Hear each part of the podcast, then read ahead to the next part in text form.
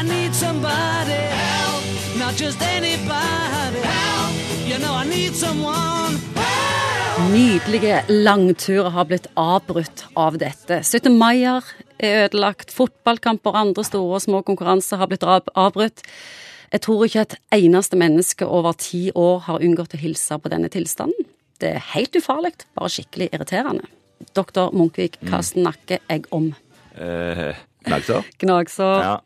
Vonde og væskende røde sår. Huden er kanskje skrapt av, Ja. og det gjør kjempevondt. Ja. Du har sett en del sånne, regner jeg med?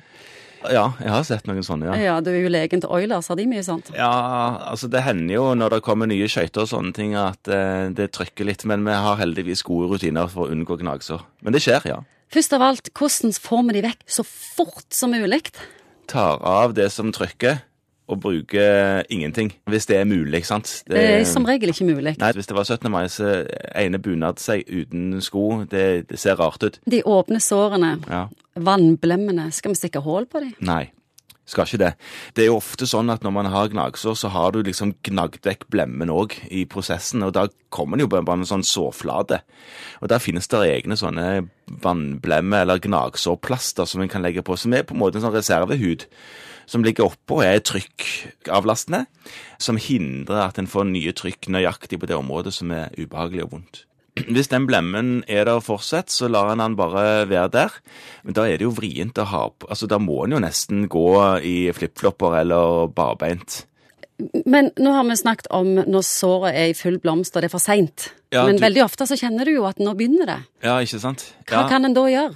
Ja, Hva er rådene? Ja, nå er det jo sånn at gnagsår er jo ofte sånn at det kommer når du bruker noe for første gang, ikke sant? Og da er du ofte ute på en eller annen fjelltur, ikke sant? Med nye fjellsko, eller du er på 17. mai-toget med nye sko.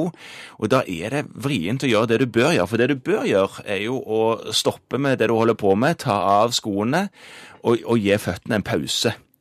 Men kanskje det du burde tenke på når du tar på nye sko, det er prøve å traske litt rundt med de eh, 16. mai, eller ta en eh, bytur med de nye fjellskoene dine før du har tenkt å dra på fjellet med de, sånn at de får brutt seg litt inn, for det er ofte nok det, at du dytter litt på de kantene som er vonde. Ta på turskoene på pub. Ja, for eksempel. Og så er det òg det å holde føttene, prøve å holde de tørre og rene, ha på gode sokker som ikke klumper seg, og legge enda mer sånne folder som gjør at du får trykk, enda mer trykk. Fotkremer kan noen ganger være lurt. Er fotkrem noe helt annet enn håndkrem?